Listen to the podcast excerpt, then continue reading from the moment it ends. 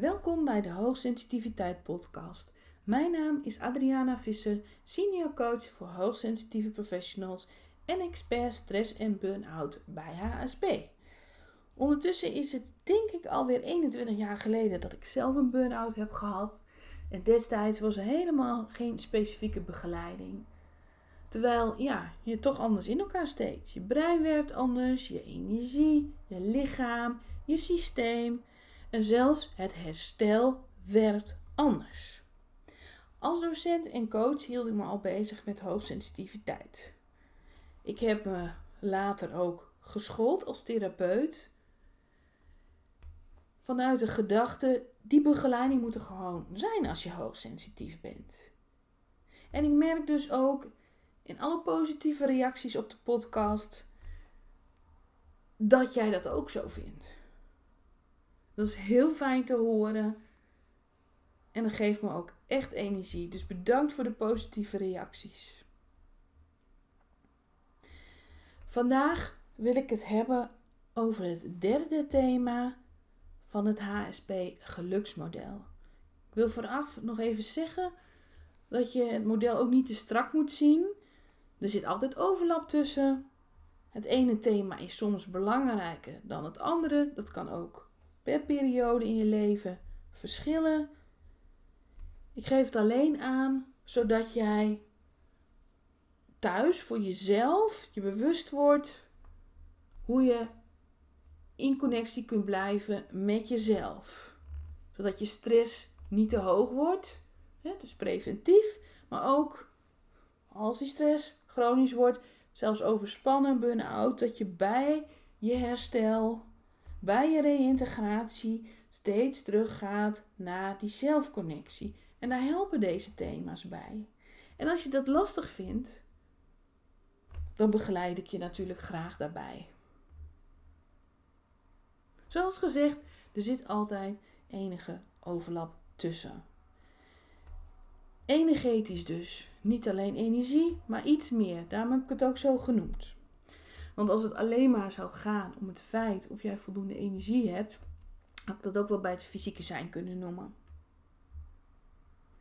Het gaat erom dat je zelf de energie bij je houdt. Dat je de juiste energie blijft. Dat je blijft bij wie je in essentie bent. Dat doe je vanuit je kern, vanuit je binnenwereld, hoe je het wilt noemen. En van daaruit ga naar de buitenwereld en kijk je. Wat wil ik hiermee? Wat kan ik hiermee? Zorgt dit ervoor dat ik de connectie met mezelf behoud? Of moet ik iets in mijn grenzen gaan aangeven? het al eerder over gehad. Je moet je grenzen ook echt gaan aanvoelen. Dat is heel verstandig om dat te leren. In je fysieke lichaam kun je dat dus doen door te voelen: ik bereik hier een grens. Mijn nek gaat vastzitten, mijn schouders. Mijn ademhaling gaat hoog zitten. Mijn lichaam geeft hier een grens aan. En hoe minder goed je naar die grenzen luistert en hoe langer het duurt, hoe harder je lichaam gaat schreeuwen. Met gevolg, je weet het, chronische stress, overspannenheid, burn-out uiteindelijk als je pech hebt. Dus luister naar je lichaam dat de grenzen aangeeft. Luister ook naar je lichaam als het aangeeft. Ik word hier moe van. Ik word moe van diegene. Ik krijg energie van dat boek. Ik voel me goed als ik de natuur in ga. En het is niet een optie. Het is niet een kwestie van het zou leuk zijn als het zo gaat. Het is ook niet een kwestie van het zou beter zijn als ik daarvoor kies. Nee, als jij in connectie met jezelf wil blijven, dan gaat het echt erom: dit zijn randvoorwaarden. Zo kan ik functioneren. Die persoon die mij constant leegzuigt, haalt mij uit connectie met mezelf. Die kost mij mijn energie. Die collega die me steeds aan mijn hoofd zeurt en niet te veel ruimte inneemt, die zorgt ervoor dat ik mijn grenzen in mijn energie ga bewaken. De energie om mij heen, het energetisch veld. Ik moet dan zorgen dat ik de ruimte om me heen, de energie om me heen, groot genoeg maak, zodat ik ook een plek heb. Ik mag ook bestaan. En op het moment dat die collega dat voelt, wordt het meer vanzelfsprekendheid. Dan hoef je niet de strijd aan te gaan. Je hoeft niet op een assertiviteitscursus. Maar je zorgt dat je bij je kern blijft. En dat je dan naar buiten treedt. Dat je jezelf in energie stevig neerzet. Dat je stevig geaard bent. En ook dat je uitstraalt ik mag er zijn. Energetische grenzen hebben ook te maken met het feit, als het te veel bij je binnenkomt, dan zijn die grenzen ook niet sterk genoeg. Daar kun je ook aan werken. Kijk, als je HSP bent, kun je nooit helemaal voorkomen dat je van alles voelt. Maar het gaat erom dat je het niet overneemt, er niet te veel last van krijgt en zeker niet dat je de connectie met jezelf daardoor kwijtraakt. Die moet je altijd terugvinden en verstevigen, vergroten, opbouwen.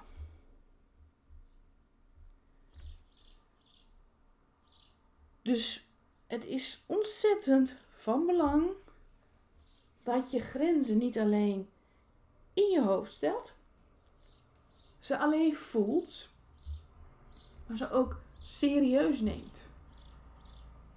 En ze ook communiceert naar buiten toe. Dit heb ik nodig. Daarvoor moet je kennis hebben van je hoogsensitiviteit. Maar ook kennis van jouw persoonlijkheid. Ik zeg ook heel vaak: onderliggende patronen hebben invloed dat je over een grens heen gaat bij jezelf. Maar een tweede punt is ook je hoogsensitiviteit.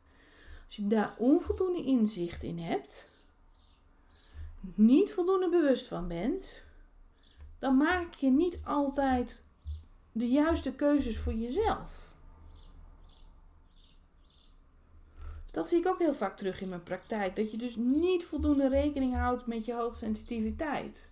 Dat je toch nog steeds aanpast aan die gemiddelde norm. Maar dat is niet gezond voor jou. Je hebt dat echt nodig. Dus naast die onderliggende patronen is het van belang dat je bewust wordt van je hoogsensitiviteit, wat je nodig hebt. Maar nog belangrijker is dat je erachter komt hoe het bij jou persoonlijk zit. Hoogsensitiviteit is een karaktereigenschap. Maar wel een karaktereigenschap die ontzettend veel invloed heeft op jou en op jouw leven. Dus het is belangrijk dat je weet hoe het bij jou werkt. En dan bedoel ik niet alleen dat je moet weten welk type HSP je bent, maar vooral ook welke karaktereigenschappen heb ik nog meer, welke waarden heb ik, welke kwaliteiten, welke valkuilen. Dus onderzoek dat. In mijn praktijk is dat ook altijd onderdeel van een traject. Dat we kijken wat is jouw persoonlijk profiel en wat is je professioneel profiel hoe meer zelfkennis je hebt, hoe meer je ook die zelfconnectie kunt behouden. Omdat je weet, zo steek ik in elkaar en dat is goed voor mij en dat niet. Ik zal even een voorbeeld noemen om het te verhelderen.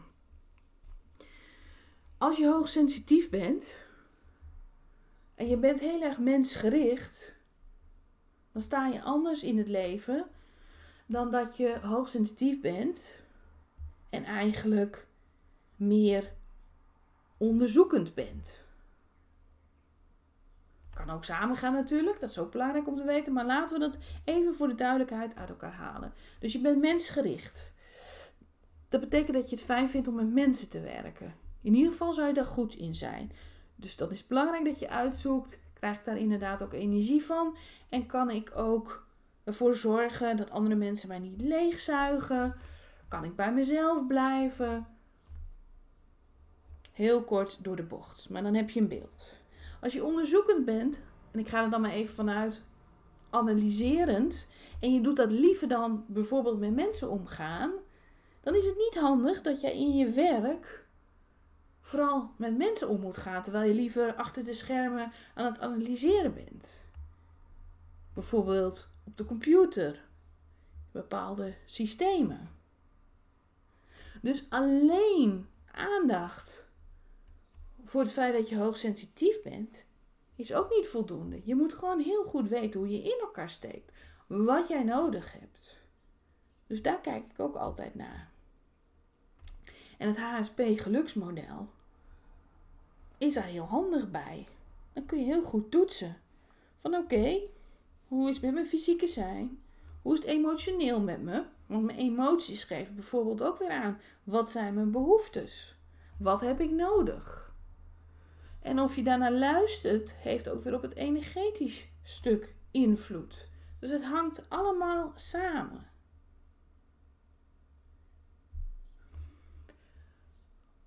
Als je nou zegt, als ik dat bij mezelf naga, ik kom er toch niet helemaal uit. En ik heb er eigenlijk wel wat hulp bij nodig. Ik denk dat die onderliggende patronen een rol spelen. Of dat je zegt, nee, dat is het niet. Ik snap niet genoeg van mijn hoogsensitiviteit. Of vooral, eigenlijk weet ik helemaal niet zo goed hoe ik in elkaar steek. Ik zou wel meer van mezelf willen weten op persoonlijk of professioneel vlak. Dan weet ik ook beter wat mijn randvoorwaarden zijn, hoe mijn grenzen wil stellen en hoe ik in zelfconnectie kan blijven. Dus niet reageren op de buitenwereld. Heel reactief, maar steeds van binnenuit. Dit ben ik, dit past bij mij, dit heb ik nodig. Je merkt dus dat je daar niet alleen uitkomt, dan weet je het. Dan kun je altijd contact met mij opnemen via www.adrianavissen.nl en dan kun je een introductiesessie bij mij boeken. En ik herhaal even voor de zekerheid, want dat is niet iedereen altijd even duidelijk. Dat kan zowel live als online. Dus het is beide mogelijk. Dus als je zegt van nou, ik vind thuis fijner of ik vind eigenlijk wel een heel eind reizen, dan mag het dus ook gewoon online. Ik kan met beide even effectief werken.